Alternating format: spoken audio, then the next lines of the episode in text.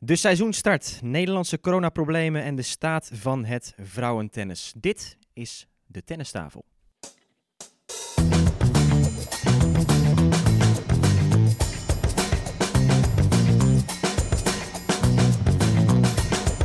Please take your seats quickly, ladies and gentlemen.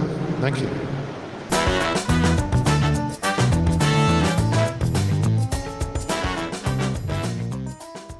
Vorige week hebben we een eerste aflevering opgenomen van de tennistafel. Maar nu zit ik echt hier met Stefan Kok en David Avakian aan tafel. En voor mijn gevoel beginnen we nu echt, jongens. David, jij mag even uitleggen waar we nu zitten. Jij bent weer terug uit Armenië natuurlijk eh, om te beginnen. En we zijn een beetje soort van bij jou thuis gekomen, hè? in de buurt in elk geval. Zeker, we zijn nu in het clubhuis van de Vinkenveense Lawn Tennisvereniging, de VLTV. En Vinkenveen, ja, de club waar ik zo'n 25 jaar geleden ben begonnen met tennis. En tot op de dag van vandaag ja, meerdere keren per week op de baan eh, te vinden ben. Ook met jullie al meerdere keren hier gespeeld.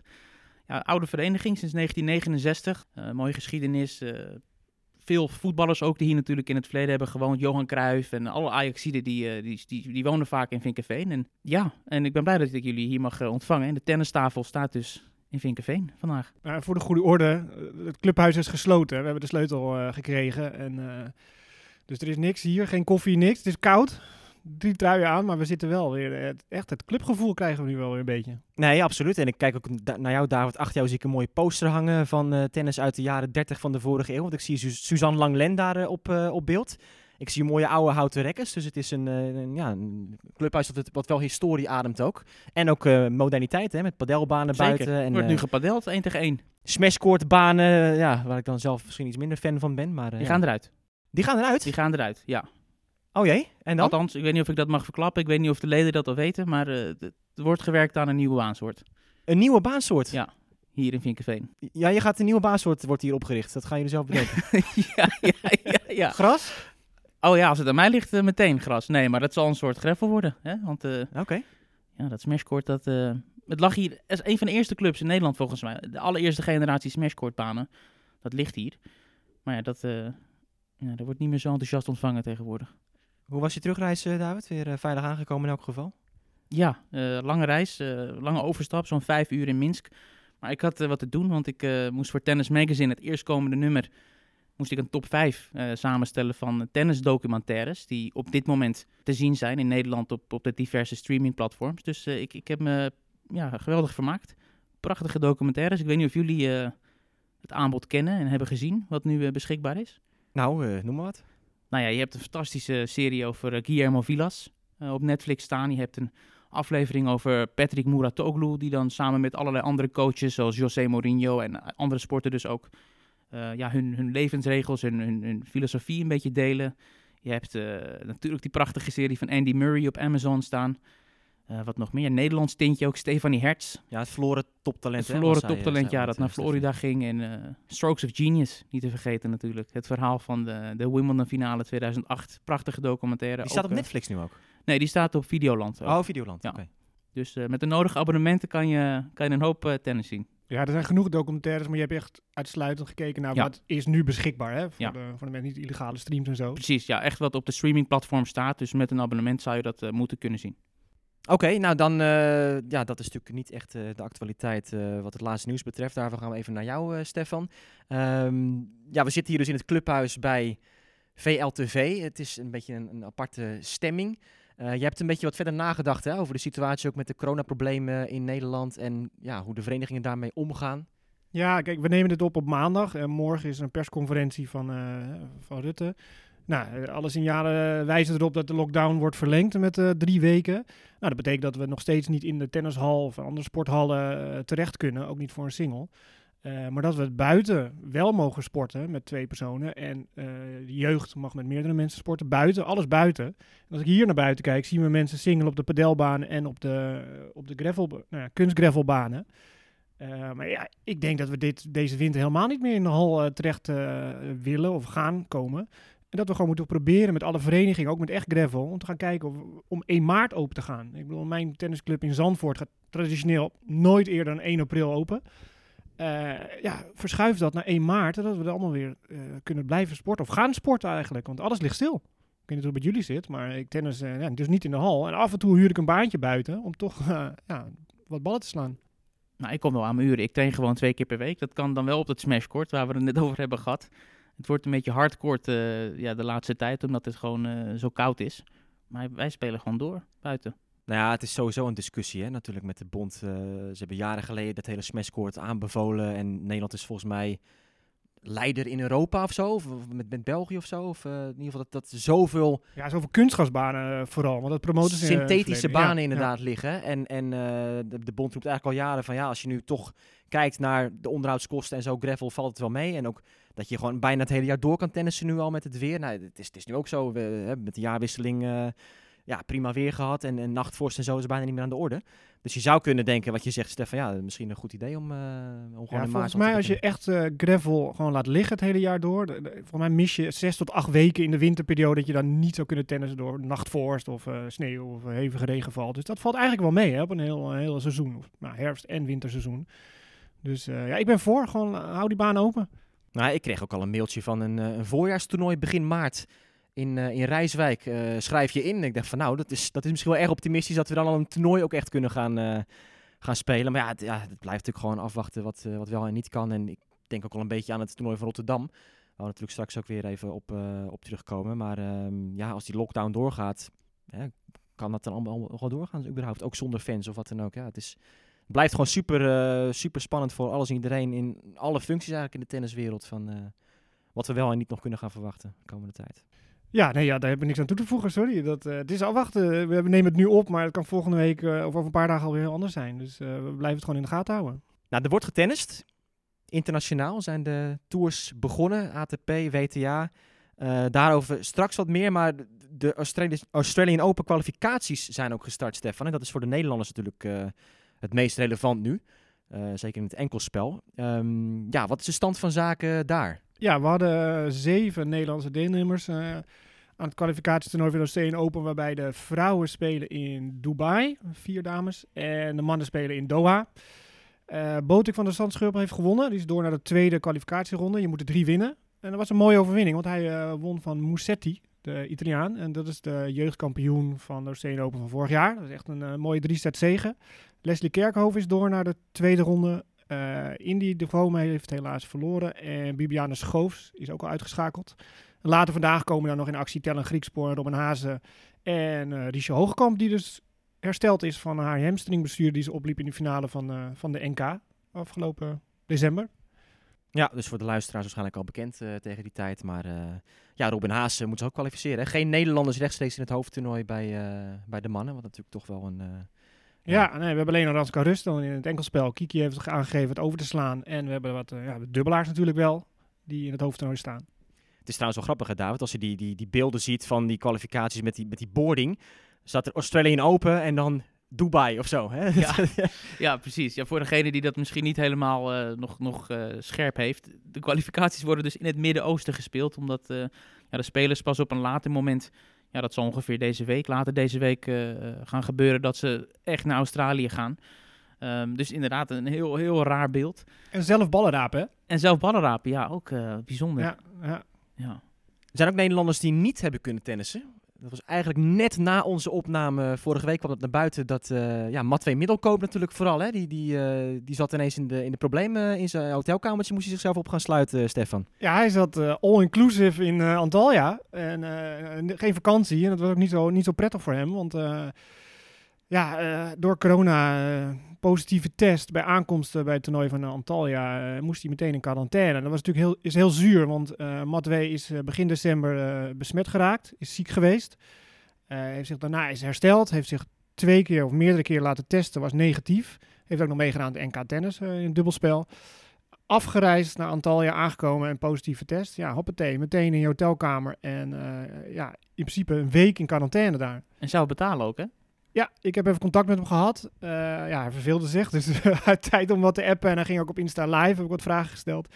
En via de app. Hij werd niet echt gesteund, of eigenlijk niet. Hij moet uh, tickets zelf betalen, uh, hotelkamer zelf betalen, eten, uh, echt alles. Dus ja, je, komt eraan. Je mag niet meedoen aan het toernooi. Dus ja, je hebt geen privileges zoals het toernooideelnemer wel heeft. Maar hij was niet de enige, er zaten er nog vijf. Dus we hadden zo'n ja, hal van zo'n gang met allemaal hotelkamers met vijf, zes spelers die daar opgesloten zaten. Was natuurlijk wel heel zuur, maar hij appte me van ja, ik ga hier gewoon sterk uitkomen. Dat is mijn motto. En, eh, want het is natuurlijk wel een mentale test. Hè? En ook die onzekerheid of je dan wel Melbourne zou halen. Maar eh, na een aantal dagen heeft hij toch eh, negatief kunnen testen. En is hij snel terug naar Nederland gegaan. Hij heeft gewoon nog ja, restjes van het virus met antistof. Want hij is natuurlijk ziek geweest. En dat is opgepikt door de, door de test in Turkije. Ja, maar is het dan dus gewoon zo'n zo'n antistoffentest waarop hij dan weer is, is uitgekomen? Of is die, heeft hij echt nu het virus ook weer gehad? Eh, nou, het idee is dat hij nog restjes heeft van het virus in zijn lichaam. Omdat hij vorige maand ziek is geweest. Oké, nou ja, Daarom- dat, is wel, dat is wel interessant, want dat is ook een bruggetje naar eh, eh, ja, Rosalie van der Hoek. Dat was van de zomer al gelijk zo'n zo'n nieuwsitem. Toen de WTA-tour weer ging beginnen in Palermo, het eerste toernooi. Nou, het eerste geval van een eventuele positieve coronatest, ja, dat was dus Rosalie van der Hoek, Nederlandse dubbelspelspeelster. En die heeft inderdaad ook corona gehad. Nou, dat bleek toen inderdaad snel van, nou, het is geen echte positieve coronatest. Het is een, eh, ja, op, op antistoffen eh, scoorde ze hoog. Dus die mocht toen wel weer, weer spelen daar. Maar die heeft ook één dag daar weer op moeten wachten op die testresultaten en zo. Ehm, maar goed, Rosalie van der Hoek die is nu ook weer in de problemen gekomen. Want zij zou dubbelen bij het grote toernooi van Abu Dhabi met een Zweedse speelster, Cornelia Liester. En zij kwam aan en hoorde, mijn partner is positief. En ik kon ze weer naar huis. Ja, dat is, dat hetzelfde voor Sander Arends. Want die zou spelen met Madwee in Turkije. Ja, dan kon ook eh onverrichte zaken weer eh, het vliegtuig pakken naar Amsterdam. Maar dat hoor je nu bij veel spelers, dat ze dus toch met die angst leven. Ook die wereldtoppers vorig jaar, overal waar je nu komt. Ja, normaal dan ben je zenuwachtig voor je wedstrijd. Of eh, hè, hoe, hoe, hoe je fysiek voelt misschien. Maar nu constant die mentale druk ook van... ehm, goh, als ik maar niet in één keer een positieve test heb. Hè, dat, kan, kan alles in één keer in het roet, eh, roet gooien. Ik zit een beetje te denken aan mijn eigen ja, reizen, toch, de afgelopen... Ik, ja, ik ben in coronatijd gewoon wel, wel heen en weer geweest een beetje. En op het moment dat die hele uitbraak was, was ik in, in Indian Wells, althans in Los Angeles.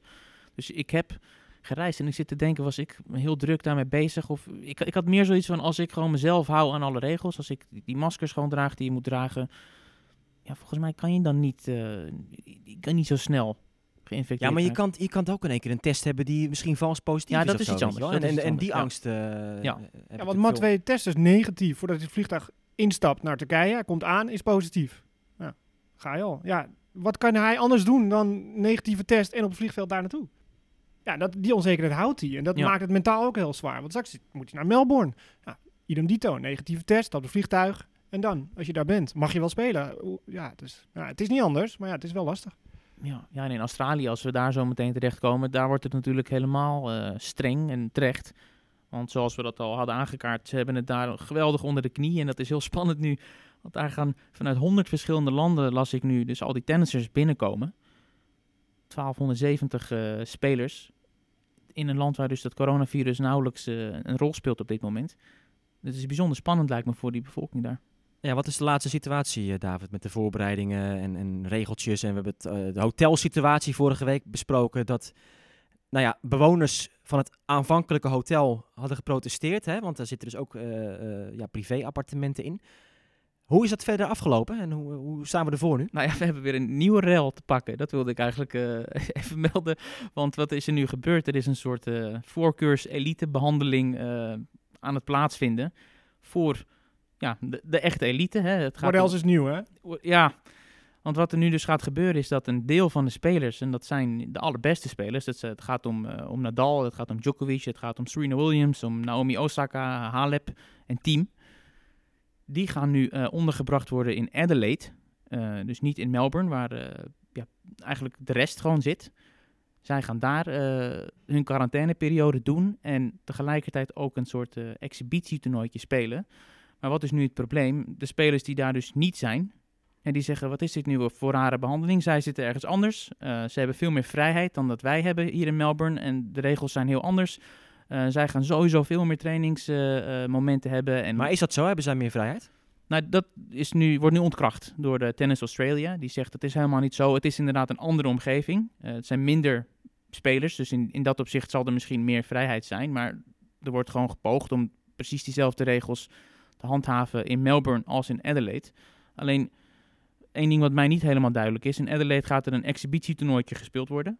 Ehm, dat was een eis van de, van de lokale eh, overheid daar. Van wij vinden het prima, wij willen best jullie spelers opvangen bij ons. Maar als tegenprestatie willen wij dan wel toptennis zien hier in Adelaide. Dus ja, die namen die ik net noemde, die gaan daar onderling eh, spelen. En ja, de onvrede is dus vooral ehm, ja, vanuit de tennissers die, ja, die daar niet bij kunnen en mogen zijn. Nee, en even toevoegen, Adelaide is normaal gesproken een locatie waar ook een toernooi wordt gespeeld in die Australian Open Series. Sinds vorig jaar was dat er weer. Dus dat zijn ze kwijtgeraakt dit jaar. En eh, nou ja, het is, het is eh, ja, een bizarre situatie. Maar voor de duidelijkheid, het hotel dus, waar we het vorige week over hadden, dat is gecanceld. Hè? Ze hebben nu andere locaties gevonden in Melbourne, waar dus die andere spelers dan, eh, dan moeten zitten. Maar ja, de situatie is streng voor die mensen in Melbourne. Die spelers, ze mogen, wat was het, vijf uur volgens mij in totaal buiten zijn. Maar dat is dan op de trainingsbaan alleen maar. En ja, ze kunnen niet op een balkonnetje zitten in het hotel of wat dan ook. Het is echt, hup, kamertje in en jezelf weer opsluiten. Ja, maar dat vind ik wel even, als ik even mag in ik vond het wel grappig, want uh, Citalina en Monfils zijn een koppel. Ja. En die hebben een brief gekregen. Ja, het is niet de bedoeling dat die samen op één kamertje in quarantaine gaan. Het is niet één huishouden. Kennelijk niet, maar uh, ja, ik weet, ja, nou ja, goed, het is wel eh, al een paar jaar, of een jaar of twee al een koppel. Of een jaar. Maar stel dat ze de regels overtreden, David. Ja, dan zijn de maatregelen niet mals, want deportatie hè, is mogelijk. Een hele hoge boete. Je wordt gewoon het land uitgegooid. Um, ja, en 20.000 uh, de Australische dollars, geloof ik. Volgens mij is dat ook iets van 15.000 euro, ja. als ik me niet vergis. Dus, uh, oh wee. Nee, die maken daar geen uh, halve maatregelen van in Australië. Dat, uh... Nee, maar die hebben dus vijf uur per dag om samen even iets leuks te doen. En dan moeten ze weer naar eigen nee, kamer. mag niet. Nee, ook niet. Want oh, nee, alleen je, je, je mag één, één trainingspartner van ja. zijn trainingspartner hebben. En uh, daar hebben ja. ze andere mensen voor. Dus. Ja, ja, nee. Ja. Wordt, ja, en dat is ook nog iets over dat Adelaide trouwens. Want we hadden natuurlijk die regeling dat je in de, in de eerste weken uh, met één trainingspartner mag trainen. Nou ja, Nadal, Djokovic en Serena Williams. Die hebben allemaal dus één partner. Die is dus ook mee profiteren van die, uh, van die elite-regeling. in het geval van Serena is het overigens Venus. dus dat is wel, wel, leuk dat die zussen dus dan... Zo Verrassend. Ja. Um, en de geldbedragen die ook gemoeid zijn met, met al deze maatregelen, met al die vluchten ook. Ik geloof dat ze op 40 miljoen inmiddels zitten. Terwijl ze 25 miljoen hadden begroot voor, uh, voor die corona-aanpassing. Ja, ze hebben 18 uh, Airbus afgehuurd of gecharterd. Waar maar 75 mensen in mogen maximaal. Per vliegtuig, Per ja. vliegtuig. ja, bizarre, bizarre bedragen. Ja, Tennis Australia gaat alles betalen, van de vluchten tot het verblijf. En daarom dat het dus echt uh, ja, 40 miljoen Australische dollars uh, hebben ze inderdaad over. Maar ja, dat is het voordeel van uh, het, het, feit dat de tennistoernooien eigenlijk zo'n laag percentage aan prijzen gehad hebben uitbetaald, relatief gezien de laatste jaren. Dat ze nu gewoon een soort kas hebben om het uit te kunnen betalen. Want ze hebben echt dat geld grotendeels zelf ja, gewoon om uit te geven, hebben ze gezegd. ja, ze hadden een soort verlies kas wat ze hebben. Ja. Maar schade dat ze weten dat ze kunnen lopen. En, en daar wordt nu wel uh, uitgegrabbeld. Ja, precies. Nou ja, er wordt dus um, ook getennist bij de andere toernooien. Laten we even kort uh, spreken over de ATP-start. Ik heb er zelf weinig uh, van meegemaakt. het zijn wat kleinere ATP-toernooien. Wat me wel opviel was de uitslag van Ivo Karlovic, die bijna 42 jaar is en nog een wedstrijd won daar. Daarna wel uh, werd uitgeschakeld, volgens mij afgelopen nacht. Ja, de oudste man hè, sinds uh, Connors in 1995 die een ATP-wedstrijd wint. En uh, Stefan en ik hadden het er even over voor, voordat we begonnen met opnemen. We hebben hem geïnterviewd, Rosmalen, een aantal keer. En er is toch één quote, hij heeft veel goede quotes, maar toch één ding wat hij zei en dat is zo blijven hangen. Het is wel leuk om te delen misschien. Hij vertelde gewoon bloedserieus, ik weet niet eens meer wat mijn vraag was, maar hij zei ja, als ik een dubbelhandige backhand uh, had gehad, dan weet ik niet hoe ik ooit een wedstrijd had verloren in mijn carrière. Nou, dus goed, dan zit je een beetje zo met, uh, heb ik dat goed gehoord? Uh, pardon, kan je dat herhalen? Nee, echt gewoon 100% zo denkt hij. Ben je het met hem eens? Natuurlijk niet, maar bizar dat, dat zo'n speler daar zelf dan zo over denkt. Ik heb toen zijn racket in mijn handen gehad. Dat was een, een, een, verlengde head. Ja, hij is verlengd, maar dat, valt helemaal niet op bij hem, want hij is zelf 2 meter 30 of zo. En grip, gripmaat 7, ongekend. Ja, ik heb toen ook uh, een keer met hem daar gesproken en uh, ook, ook, gevraagd van met die lengte, wat ik zeg, van als je jou ziet tennissen, het is, het is net alsof je een pingpongbedje in je hand hebt bijna. He, zo, zo klein. Ik denk van, heb je ook wel eens aan gedacht, heel, helemaal uh, gek gedacht van echt nog een grote racketblad of zo. Ik bedoel, je bent zo lang, je hebt zo'n reach. En uh, dan moest hij wel een beetje om lachen en zo. Dus zei hij van, nee, dat, dat, uh, dat ook weer niet. Maar ja, maar hij, hij zei ook, hij zei ook van, uh, ik hou het zo lang vol. Want ja, ik, ik hoef bijna niet te trainen. Want nee. ja, die service, en hoeveel redden speelt hij nou eigenlijk hè, in, in wedstrijd? Dus, dus hij is ook heel zuinig op zijn lichaam wat dat betreft. Alleen het is natuurlijk wel heel zwaar voor hem ah, om in zo'n vliegtuig te zitten. Nou ja, als een 75 man in zo'n hele grote Airbus, dan kan hij wel, heeft hij wel de ruimte. Maar hotelkamers, weet je, met, eh, ja, met hotelbedden. Ja, dan moet niet zo'n achterstaand wandje hebben aan de achterkant bij je voeten, want dan past hij er niet in. Dus dat is wel, het is wel een dingetje natuurlijk, zijn lengte. Hij Ja. geniet er echt nog van, dus het is leuk om... eh, Ah, nou, hij is heel komisch, hè? ja, ja, ja. Hij stottert een beetje, dus hij hij uitzicht wat moeilijk. Maar Dr. Ivo is eigenlijk wel heel grappig. Vooral op Twitter, je moet hem echt gaan volgen. Oké, laten we niet de hele podcast over Ivo Karlovic praten verder. Maar zijn er nog andere dingen die, die jullie zijn opgevallen bij die, die ATP-toernooien, spelers die, eh, die er uitspringen? Nou ja, verrassend verlies voor eh, Jean-Julien Roger. Die eh, was als eerste geplaatst in het dubbelspel bij Delray Beach samen met Aravalo. Ja, ze verliezen ja, toch wel verrassend eigenlijk. Ik kende die tegenstanders helemaal niet. Maar in die ene tegenstander, Bela of zo, die wordt nu opeens bekend omdat hij hele rare t-shirts draagt. Met kwallen erop en eh gekke dingen erop. Uruguayaan. Uruguayaan. Dus daar valt hij van op. Maar eh, ja, dat is natuurlijk wel zonde. Zijn eerste pot meteen verliezen. Maar hij gaat eh, pas in maart echt weer serieus spelen, Jean-Julien Royer. Want hij wordt vader in februari. En eh, dan gaat hij met eh, Marcelo Melo dubbelen. Ook een topper uit eh, Brazilië, voormalig nummer 1 van de wereld. En hij is nog, nog lang niet uitgeblust, Jean-Julien Royer. Maar dat bewaren we even nog voor een, een andere podcast om daar dieper op in te gaan. Ehm, ja, en verder het deelnemersveld, hè? Als je kijkt naar die toernooien van de ATP. eh, Ja, behoorlijk zwak. Want ik geloof dat de top drie- 300 zoveel kwam nog in het hoofdtoernooi. Volgens mij in Antalya. Terwijl ik eh, zag ergens een future toernooi, 15.000. Was de top seed. Het stond in de 200, 275. En ik, is ook wel wat kritiek, hè? ook volgens mij van Robin Haas. Die zegt, ja, wij moeten hier allemaal kwalificaties spelen. Maar ja, ik had ook zo'n ATP-toernooi. eh, met de punten voor de ranglijst had ik natuurlijk ook wel willen spelen. Dus die hele groep die nu kwalificaties speelt, dus zeg maar tussen de 100 en de 200, iets meer, die kunnen niet dit ATP-toernooi spelen. Terwijl ze er wel in, rechtstreeks in waren gekomen. Dus dat is natuurlijk best wel ja, scheefgroei. Nee, en dat is dus zo omdat er eigenlijk maar één week mogelijk is. Hè? Dus ze, moeten alles nu in één, één weekje proppen. ATP-toernooien, kwalificaties, noem maar op. Omdat je dus echt die 14-daagse quarantaine krijgt in Australië. Daarom dat het eh, ja, eigenlijk niet anders eh, kon, die puzzel op die manier eh, leggen. Bij de vrouwen is het anders. Als dan is in die zin dat er wel een, een sterk toernooi is deze week in Abu Dhabi. Ook een, eh, een toernooi dat uit de grond is eh, gestampt voor één keer eigenlijk eh, daar.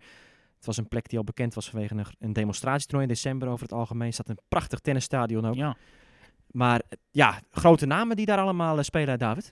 zeker. Ja, eh, Kenin is daar als eerste geplaatst. Svitolina deed mee. Sabalenka, Sakari.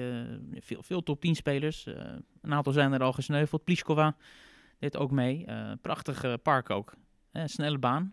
Meer, meer, meer zou ik zeggen. Snelle banen. Dat, dat merk je toch als je zo'n week zit te kijken. Eh, Snelste baan waar ik ooit op heb gespeeld, zei Maria Sakkari. kijk aan. Ja. Eh, ja, dat zal voor jullie geen eh, verrassing zijn. Daar ben ik groot voorstander van om dat meer te doen en minder van die trage... Ja, maar aan de andere kant, ehm, ik heb wel het idee dat vrouwen daardoor ook wel heel veel meer fouten maken op zo'n snelle baan. Nou, als je er zo weinig op speelt, dan, dan ben je er niet eh, gewend aan natuurlijk. Je moet Nee, gewoon- maar die hebben natuurlijk zo'n speelstijl van over het algemeen gewoon ballen hard slaan en op tempo. En, en je ziet als het, als het dan iets meer voetenwerk wordt vereist, dat valt mij heel erg op deze week, dat, dat die ballen heel snel alle kanten op vliegen. Ja, bij de vrouwen is het over het algemeen, vind ik, wie als eerste het initiatief heeft, ja, die heeft natuurlijk een gigantisch voordeel. Dus dat moet gewoon beter verdedigd worden door, door het vrouwentennis. En dan die omschapeling maken. Dat is vaak met één klap willen ze dan zeg maar die, eh, het initiatief overnemen. En eh, ja, op zo'n snelle baan kan het wel, maar dan worden veel fouten gemaakt. En eh, ja, dat valt me op. En wat me ook opvalt, er is geen Hawkeye. Hoe we daar aan gewend zijn geraakt, hè? Oh, die verongelijkte gezichten en zo, Ja, ja. dat is wel weer, weer mooi. Ja. Eh, en er is geen onkort coaching. Ook voor die dingen. Dat je denkt, hè? oh ja, Ja. er was ook een tijd dat dat helemaal niet mocht. Maar ja, door de coronamaatregelen mag het niet. Flipkens. Dat dan wel. Oh ja, Dat was wel een momentje nog. ik kon er eh, niet naar kijken. Vroeg in de week. Ja, die ging geweldig onderuit. Die ging door de enkel op zo'n reclamebord. Ja, maar het is ook zo'n hypocriete bende allemaal. Want dan, dan staan die bordjes daar. Dus moet je je voorstellen, aan de korte zijde, de lijnrechters staan daar natuurlijk. En vaak wordt er dan precies voor de voeten van de lijnrechter wordt er zo'n zo'n plaatje gezet eigenlijk eh, met, met een sponsor erop. En een bordje, wat natuurlijk ja, zomaar in niet staan ineens op die grond staat. En, en speelsters die diep naar achteren komen, ja, die... Ik heb het eh, volgens mij Goffin in eh, Monte Carlo of zo, heeft ook, of, of Roland? Garros heeft wel eens eh, Ja, meegemaakt. dat ging over het doek. ja, Ja. oh ja, dat was een doek. Oké, ja. Maar de, nee, Monte Carlo was ook ooit iemand die dat had. Ik weet, ik weet niet meer wie het was. Maar in ieder geval, Flipkes die, die wil een lop halen en die, die stapt op dat bordje schuin. Ja, die gaat door de enkel heen. Stond notabene een set voor tegen Kenin. Was eh, slotfase tweede set gelijk opgaand. Moet gelijk de strijd staken. Nou, eh gemopper natuurlijk. Eh, oh, ja, hoe kan het nou dat die bordjes er staan? En we zeggen allemaal, dat moet ophouden en eh, veel te gevaarlijk. Dus ik zit heel de week commentaar te doen bij die wedstrijden daar voor, voor ESPN. En, en dus de rest van de dag zie je dat ze die bordjes keurig aan de kant zetten. Dag daarna ook nog. En ik zit vandaag zit ik weer. En nee hoor, het is weer gewoon, gewoon netjes voor de, voor de lijnrechter. En we zijn het allemaal weer vergeten wat de twee dagen geleden is. Daar is gewoon voor betaald natuurlijk, door de sponsor. Ja, maar ja, het is, ja. Maar goed, als, als ze dan zo ophef maken en het dan allemaal aangepast en een dag later doe je het niet meer. Ja, dat is ook een beetje, eh, een beetje apart natuurlijk. Ja, Dus, maar ja, eh, het was wel gewoon pech, botte pech. Ja, hoe vaak gebeurt dit? Ja, het, ook niet zoveel. Nou ja, als liefhebber van aanvallend tennis vind ik gewoon dat er veel te veel ruimte achter die baan is. Gewoon eh, hè, twee meter minder. Gewoon lekker op die baseline staan met z'n allen. Maar we hebben het al een beetje nu aangestipt. Als je kijkt naar het, het vrouwentennis nu, eh, het wordt ook weer natuurlijk een soort raadsel dit jaar wat we kunnen verwachten, denk ik. Hè? Met, met ja, gaat hij zich handhaven aan de top? Dat is een serieuze vraag die we stellen. Eh, eh, Serena Williams, zien we die nog terug eh, als, als Grand Slam winnares? Nou ja, laten we met, met het eerste... Nee en nee. nee en nee. Kenin handhaaft zich niet aan de top. Laten we Ja, daarmee wat is beginnen. top? Wat, wat is handhaven aan de top? Top 10? Nou ja, Is kom- het top- komt, er, top komt er eindelijk weer eens een, een, een echte nummer 1 bij de vrouwen? Iemand die de sport gewoon, of, of een paar mensen, weet je, die, waarvan je weet, dit zijn echte nummers 1, 2, 3 en 4. Dit zijn de, de, de Djokovic, Nadal en Federers. Nou goed, dat is wel erg extreem. Hè, maar, maar vroeger een Hene Kleisters die betrouwbaar eh, zijn in de top. Of, of, eh, Nee, ik denk zo niet, lang dat het... Ik vind het ook helemaal niet erg. Ik vind het wel heerlijk. Elke Nee, ik vind het ook eh, leuk. Het is, het, is, het is alleen wel apart natuurlijk dat er zo lang zo'n open huis is eigenlijk bij, eh, bij de Ja. vrouwen. Ehm, ja, maar tegelijkertijd wil ik ook wel het- de gedachte wegnemen dat het echt gewoon los zand is en dat er geen structuur is. Want we hebben Halep gezien de afgelopen jaren. Is gewoon vaak het jaar afgesloten als nummer 1. Of in Nee, ieder maar wie wint er nou twee 2. Grand Slams in één jaar? Nou ja, dat, als dat de vraag is, gaat er iemand komen die, die twee, drie Grand Slams in één jaar wint? Dat, dat weet ik niet. Maar er is wel enige structuur. We hebben nu Osaka gehad die drie jaar op rij een Grand Slam wint. 2018, 2019 en 2020 wint een Grand Slam toernooi. Er zit ook wel lijn in. Halep dus via de ranking. Eh, Serena haalt gewoon... Nee, maar goed, er zit lijn in, maar tussendoor verliezen ze ook eh, vijf keer eerste, tweede ronde. Ja, ja. Nee, ja, dat, dat klopt. Dat Ja, klopt. maar uiteindelijk willen we toch wedstrijden zien. En dat is toch juist mooi dat, dat die top van die vrouwen kunnen verliezen van, van mindere spelers. Bij de top van de mannen zie je toch wel de eerste, tweede ronde, zeker op slams.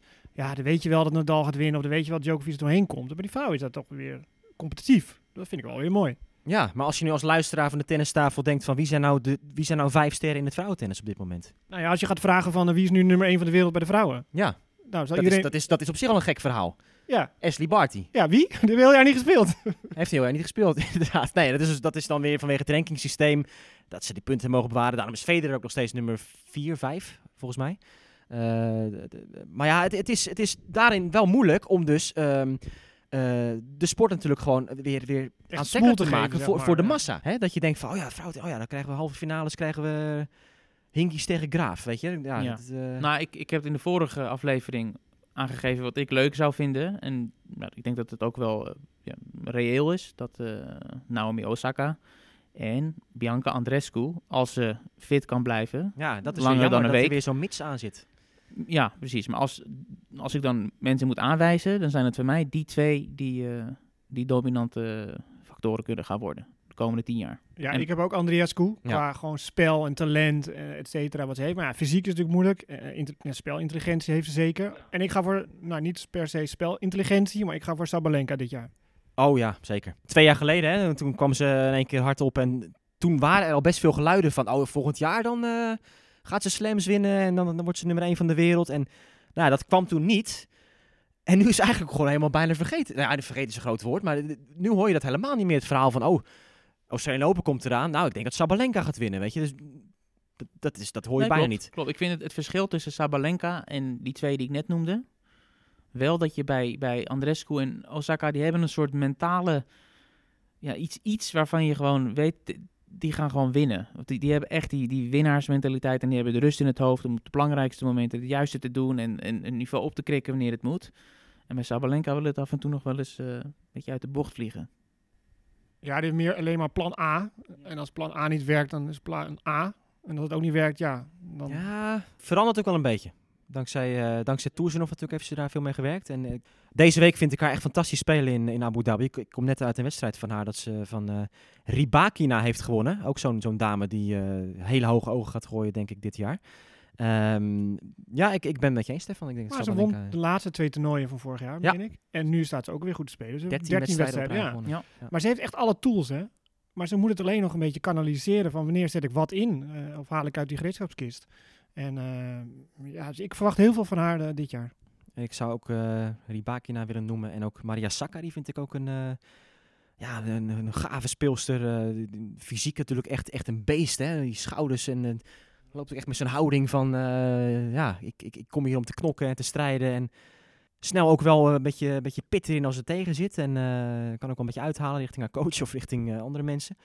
Maar eh, ja, er zijn, genoeg, er zijn natuurlijk genoeg kleurrijke speelsters. Dat wel. En dat is natuurlijk jammer dat omdat het allemaal een beetje ongecontroleerd is nog in zekere zin, dat ze soms uitschieters hebben en dan weer wegzakken, zijn het nog wat onbekende figuren ook vaak hè, bij, eh bij Nou ja, kijk, zo'n Pliskova verliest opeens van de nummer 200 eh, nog wat, weet je. Dat, is Ja, dat gebeurt. Djokovic nooit. Nee, dat, precies. Dat, dat ben ik met je eens.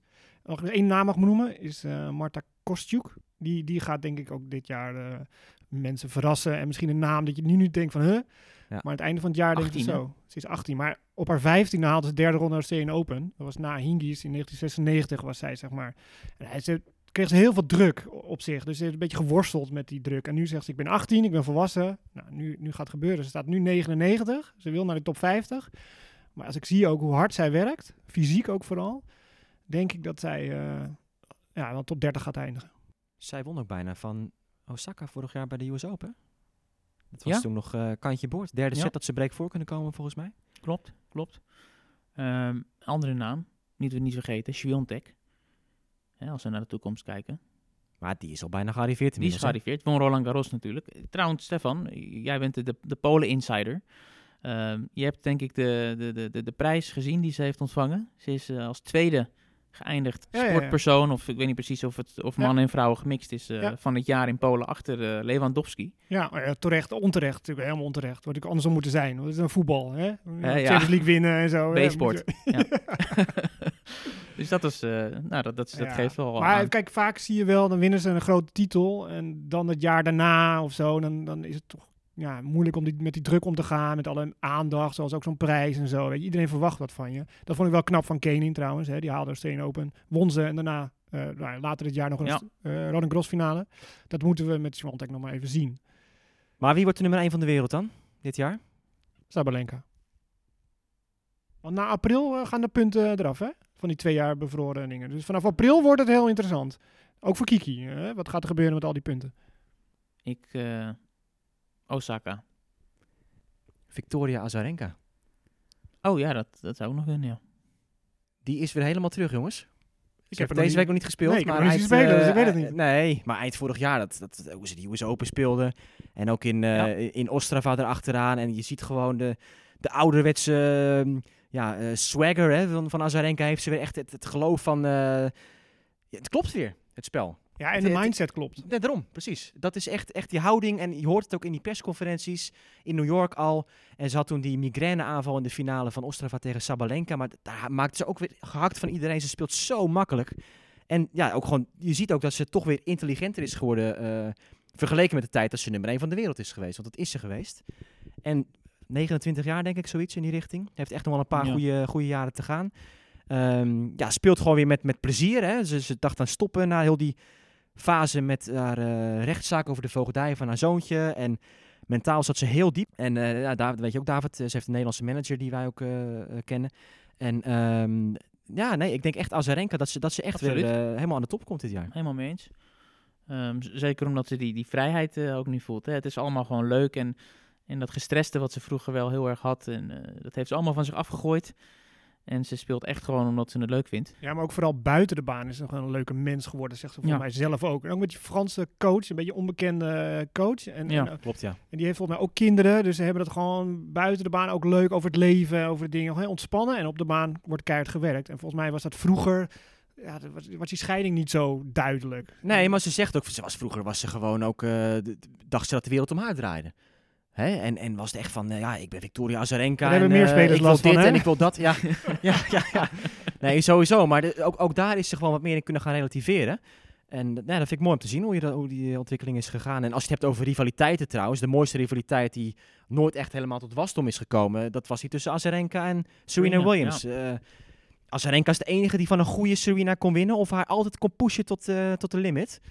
Dus ehm, ja, dat eh, is een mooi bruggetje naar Serena, denk ik, jongens. Ja. De, vra- de vraag is... Vooropgezet plan dit. dit, eh, dit doet u alsof het heel vloeiend Ja, gaat. heel, heel Ja, spontaan, ja, ja. jongens. Leuk. Natuurtalent. ja. Eh, de, de vraag is dan natuurlijk, gaat Serena nog een Grand Slam winnen? En die Ja, nummer en- en, 24 en, wat, wat, ja, precies. pakken. O- En of nog meer, of, of, of is het gedaan met Serena? Is, is afgehaakt?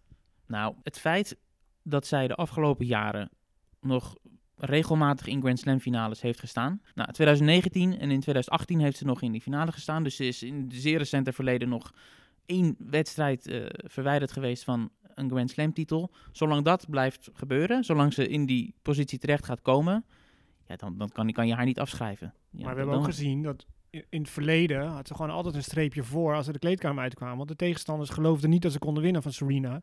En wat je zegt, ze hebben nu vier finales achter elkaar, Grand Slam finales verloren. Dus is ook Serena kwets- ook niet dat ze kon verliezen.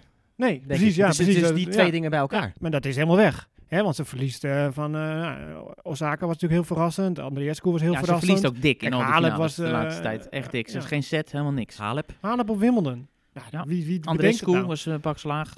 Ja, dus, Ja. dus er is ook het veranderd in haar mindset.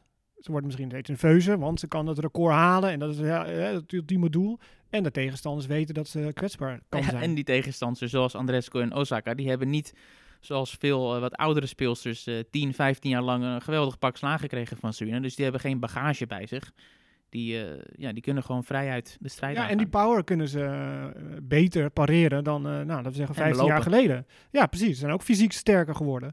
Dus ik denk eerlijk gezegd niet dat we nog veel van Serena gaan horen dit jaar. We hebben het vorige week al over eh, Kiki gehad natuurlijk. Maar voor mensen die dat misschien niet hebben gehoord. Nog even kort. eh, jullie geloven wel in dat Kiki weer echt een mooie comeback maakt ook dit jaar? Als het gravelseizoen weer een beetje gaat beginnen, dat is, zal het ook het moment zijn dat ze, dat ze weer gaat starten. Ja, waarom niet? Ze, ze, zal zelf ook na, na al die lange perioden zonder tennis en ja, gewoon, gewoon weer, denk ik, zin erin hebben. Heeft ze ook eh, met zoveel woorden gezegd dat ze, dat ze er naar uitkijkt. Dus als het plezier er is, dan zie ik niet in waarom dat niet eh Ja, en al interviews nu is oogt fris. Ja. En ze heeft er heel veel zin in. Eh, Ook, ook weer een beetje die balans misschien gevonden tussen, hè, tussen wedstrijd, competitief en eh, privé ontspannen zijn. Want die spanning werd er soms wel wat te veel. Maar ja, ik, heb, ik zie er ook erg naar uit. En zeker om, wat ik zeg, ze heeft een positieve mindset nu. Ja, misschien is dat over mensen de drie wedstrijden achter elkaar verloren heeft.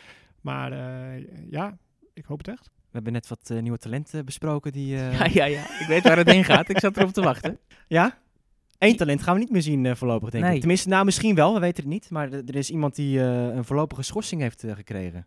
Ah! Dat is jouw protégé, Ja, ja. Abe. ja. Dus ik denk dat jij... eh ja, ja, je, ja, we wil het er niet over hebben, denk ik. Maar nou, jou- John van Lotten die had ook al een of andere opmerking van de week in, eh, in de uitzending. Ik weet niet precies wat hij zei, maar ik kreeg een tweet binnen van... eh, wat is dat met jou en Jastremska of zo? Ik dacht, eh, ik heb ik iets gemist. En toen ben ik even mijn nieuws gaan bijwerken. Toen zag ik inderdaad dat er een schorsing, een schorsing voor Jastremska is. En ehm, ja, wat is daar gebeurd, David? Wat is dat precies voor verhaal? Ja, opmerkelijk. Als je ook haar statement hebt gelezen eh, daarover. Eh, ja, ze heeft een, een verboden middel eh, in, haar, in een urinetest is, is naar voren gekomen.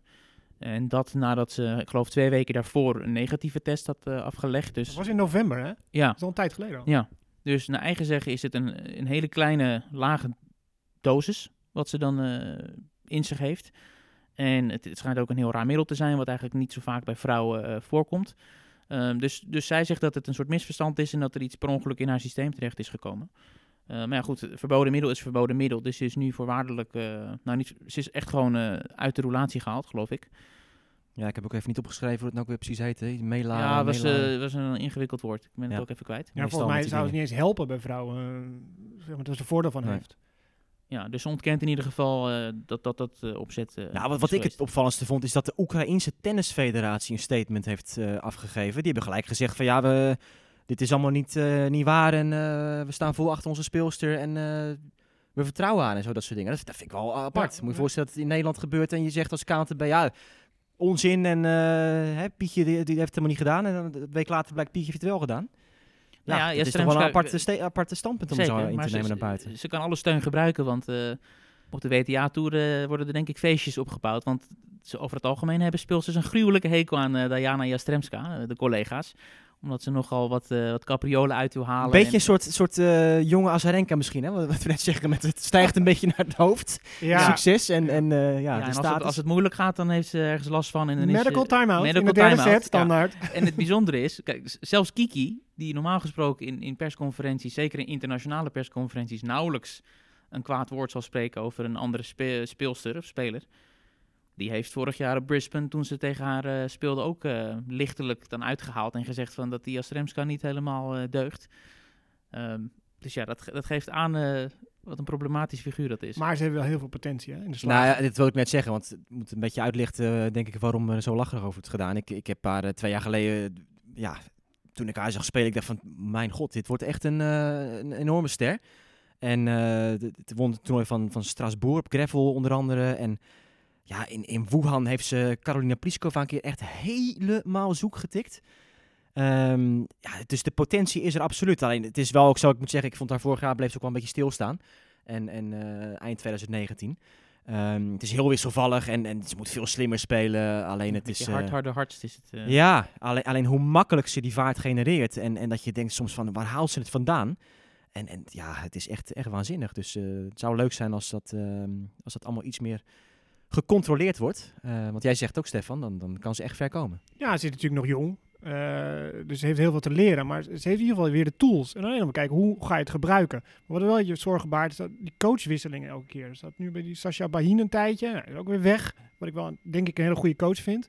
Dus dan denk ik zo jong en dan zo snel alweer wisselen van coach, et cetera. Daar, ben ik altijd een beetje huiverig voor. Ik denk, ga nou zo'n langer traject in met zo'n coach, weet je. Hebt geduld en eh, vertrouwen erin dat die, dat je wat bijbrengt. En eh, als de resultaten even minder zijn, nou, gaan ze weer verder kijken. En dat, eh, dat vind ik zonde. Ja, nee, ik moest ineens aan het, de manier denken waarop die twee, je noemt nu Bayin, hoe die uit elkaar gingen. Want eh het was een of ander tweetje of zo, ik weet ook niet meer precies wat het was. Maar, maar Bayin die becomplimenteerde ja. Ja. de, de tegenstander eh, van eh Jastremska, die dus van haar had gewonnen. Ehm, geloof ik. En toen, ja, wie was het nou? Ja, dat viel helemaal in het verkeerde keelgat. ja, want ze, Was dat niet Osaka? Ja, Osaka inderdaad. Osaka van eh, You were the better player of zoiets had. eh, ja, hij plaatste een tweet van, eh, die- she was the better player on court today. En, eh, ja, toen dacht Jastremska, ho even, maar je zegt toch altijd dat ik de beste player ben? ik dacht dat het een grap was. Ik dacht ze een grap maakte op Twitter. Nee. En iedereen reageerde ook al gelijk zo van, oh, wat zegt ze nou? Dus ik dacht, ja, dit is gewoon een grap. Ja, ja. Weet je wel, maar nee, het is dat gewoon toedeledokie. Ja, inderdaad. Ja. Dat eh echt waanzinnig, ja. Ehm, een, een andere zaak trouwens die eruit springt, eh, is, is die van Sam Querrey, jongens. Dat is echt, dat is natuurlijk helemaal, dat is gewoon een, bijna een, eh, een, een, een crimi. Hè? Daar kan je gewoon een, een documentaire van maken wat daar is gebeurd. Ja, Toch? als een dief in de nacht. Ja. Letterlijk. Maar, eh, David, met je Rusland. eh, Rust- ja. Nou ja, oké. We gaan terug naar oktober eh, 2020, het toernooi van hij is Sint-Petersburg. onze filmman, hè? hij kan nooit het script neerzetten. Ja, oktober 2020, Sint-Petersburg. eh, waanzinnig hotel waar de spelers eh, die daar spelen in zitten, het Ritz. Echt, ik ben er geweest, het is, het is een paleis. Want in Sint-Petersburg wemelt het van de paleizen uit het Russische keizerrijk. En dat is nu dus eh, omgetoverd tot een geweldig hotel. Blijf bij de zaken. Oh ja, de zaak. Ehm, nou ja, wat gebeurt er? Sam Querrey test positief. En hij is daar op dat moment met vrouw en baby. Corona, wel te verstaan. Corona opgelopen. Nou ja, vriendelijk verzoek om, eh, om eventjes in de hotelkamer te blijven. Nog een test om het te bevestigen. Nou, bevestigd, daadwerkelijk corona. Nou, dan krijgt de, de familie Query te horen, eh, er komen vanavond nog, op die dag, eh, om tien uur s'avonds, komen er artsen langs, Russische artsen, om, om te beoordelen wat jullie toestand is. Hebben jullie symptomen, dit en dat? En zo ja, dan worden jullie verplaatst naar een ziekenhuis in eh, Sint-Petersburg. Nou ja, dan gaan alle alarmbellen af eh, bij Sam Query. Welke artsen, welk ziekenhuis? Eh, ik heb een baby hier en nog erger... Mijn baby heeft op dit moment tandjes die aan het doorkomen zijn. En die heeft lichte koorts ook. Zometeen zeggen ze, ja, die baby die heeft de symptomen. Die baby gaat mee en jullie kunnen in het hotel blijven. Dus nou ja, vanuit familieopzicht raakt hij in paniek een beetje. Nou, ze hebben de ATP toen zover kunnen krijgen om die mensen niet die, die avond op de hotelkamer te krijgen, maar de dag daarna, eh, in de ochtend, te verzoeken om langs te komen. Maar dat, zo lang heeft hij het toch niet willen wachten. En hij heeft dus de- ja, tussen die dag dat hij positief heeft getest en die volgende dag waarop die Russische artsen langs zouden komen in het hotel, heeft hij een privéjet eh, gehuurd. Nou, dat, dat, ik weet niet hoe dat gaat, maar dat kan dus kennelijk op, eh, op, op Uber, op korte termijn. En hij is met vrouw en baby naar Londen gevlogen en heeft daar twee weken quarantaine in een Airbnb gedaan. Om ja, het risico maar niet te nemen.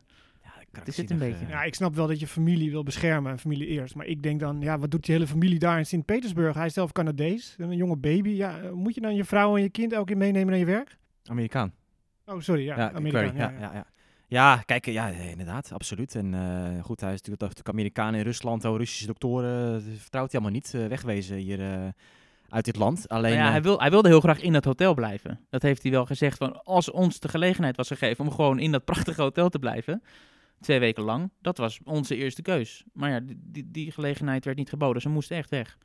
maar hij is dus gewoon als positieve eh, coronapatiënt, is hij, is hij dus gewoon in het openbaar is hij gewoon eh, de- vertrokken en, naar- en naar Londen gegaan. Dus dat is natuurlijk een, een ongelooflijk, ja, Nou, openbaar het is wel een privéjet. Ja, Ja. en hij geeft aan dat die alle maatregelen zijn genomen. Ze hebben twee van die eh, FFP2-maskers en zo, weet je wel, die alle kanten op werken, hebben ze opgehad. Dus ze hebben werkelijk alles gedaan, naar eigen zeggen, om verspreiding te voorkomen. En allerlei specialisten hebben ook eh, bevestigd van, ja, je hebt dat inderdaad heel keurig en netjes gedaan. Dus eh, ja, en, en- Maar wat is nou het gevolg daarvan geweest? Want het werd natuurlijk onderzocht door de Ja. ATP. Het was een situatie waarin serious misconduct of zo eh, opgestempeld was. Dus iedereen dacht oeh, dit wordt echt een eh, schorsing, van heb ik jou daar? Of geldboete of, of wat dan ook. En eh, ja, toen kwam de uitspraak. ja, tromgeroffel. Een, eh, een voorwaardelijke boete van 20.000 eh, dollar. Als, hij de ko- komende vier maanden zes maanden, als hij in de komende zes maanden ehm, geen corona krijgt en uit Rusland vlucht, dan hoeft hij niks te betalen. Precies. Ja. Ja. terwijl er toch echt vanuit werd gegaan dat er een, een, een schorsing en gewoon een flinke geldboete... En als Kyrgios met een stoel smijt in Rome, dan dan is het raak. dat is Ja. veel gevaarlijker. Ja. Dat doe je niet. Ja, maar dan houden ze je prijzengeld in. Maar Query had natuurlijk geen prijzengeld in Sint-Petersburg. Eh, Nou, Kyrgios heeft ook aardige voetjes eh, gehad. Ja, ja, ja. eh, maar goed. Nee, ja, echt een waanzinnig verhaal. En eh, ja, je merkt ook wel op social media dat heel veel mensen dachten van... Hé, wat is dit nou? Dat kan toch niet dat je er zo vanaf komt? En eh, nou ja, dat is de soap van... ehm, Ja, het is, het is ook wel lelijk wat hij gedaan heeft. Maar aan de andere kant, als je het zo omschrijft... Ja, snap ik wel wel dat je dan toch het risico gaat nemen met je baby en zo... om daar weg te gaan. Maar in ieder geval, je moet daar niet zijn, vind ik, met heel gezin in deze coronatijd. Weet je? Dat- dat- ja, ja en, en, en een belangrijk element is dat de ATP heeft hem dus niet goed genoeg kunnen helpen of niet genoeg eh, zekerheden kunnen bieden om daar te blijven in dat eh, ter plekke te regelen. Dus dat, Ja, maar Matwee Middelkoop, in, nog een keer even terugkomen in Turkije, werd ook niet geholpen door de ATP. Moest ook alles zelf, eh, zelf doen. Terwijl de ATP toch echt een, een bond is voor de spelers, niet? zullen we afsluiten met een rondje ABN? Laatste nieuws? Nee? Ja, is goed. Anders wordt het weer te lang, eh, hè? we gaan, volgens mij zit het alweer even een blessure. Ja, ja, ja, al ja. 50 minuten. We hebben heel wat kritiek dat het te lang was de vorige keer, dus kom op. Precies. Nou, Rotterdam. Jongens, wat eh, is het laatste nieuws? Federer al binnen? Of, eh, Ja, nee, nog steeds stil aan die kant, hè? We hebben wel een nieuwe speler. Wel een Zwitser. hebben Andere Zwitser Andere Zwitser. Ja, ja, ja. Dus Stemmer Rinka komt. Winnaar van 2015. Die heeft toegezegd. Nishikori heeft zich ingeschreven. Dat was een mooie verrassing, hè? Gewoon ingeschreven. En eh, nou, wat hadden we? Sinner hadden we al. Medvedev hadden we al. En ik hoorde Goffin, maar dat is nog niet officieel bevestigd. en Rublev eh, heb ik ook ergens voorbij zien Ja, komen. Dat, ja, eh, klopt. Rublev ook. Zou, eh, Eh, zou mooi zijn. Ja, het is kwestie van inschrijven, hè, inderdaad. Krajcek die bluft een beetje van, eh, kom maar jongens. En Ja, die zien, namen in aanvulling met dus die Nederlandse wildcards. eh, toch eh, voor de Nederlandse kijker de- een, een mooi spelersveld. Ook als, het, als er geen hele grote namen meer bij komen. ja, maar het spelersveld komt, dat wordt top. Dat wordt gewoon echt... eh, ja, het gewoon afwachten eh, wie er gewoon binnen druppelen. En dat, dat komt helemaal goed, denk ik. Alleen ja, hoe het toernooi er verder uit gaat zien, dat is misschien wel spannender. Oké mannen, laten we volgende week eh, verder praten. Tot die tijd. Natuurlijk zouden we het leuk vinden als je ons volgt op eh, social media via de tennistafel, Instagram en Twitter. En dan zijn wij er volgende week Ja, maandag. en eh, je kan ons een DM'tje sturen, hè? Als je eh, onderwerpen wil, besproken wil hebben. Of opmerkingen hebben, of eh, nou ja. Uiteraard, alle feedback is welkom. En oh ja, en, eh, reviews op de, wat is het, Apple Podcasts hè? of iTunes, hoe heet dat? Apple Podcasts Apple. Podcasts, Ja. Spotify. Ja. Beoordelen, ratings geven. Ja. We hebben het zo ingesteld dat alleen de 5 Essays. sterren knop werkt. Goed zo, ja precies. Oké jongens, tot de volgende week.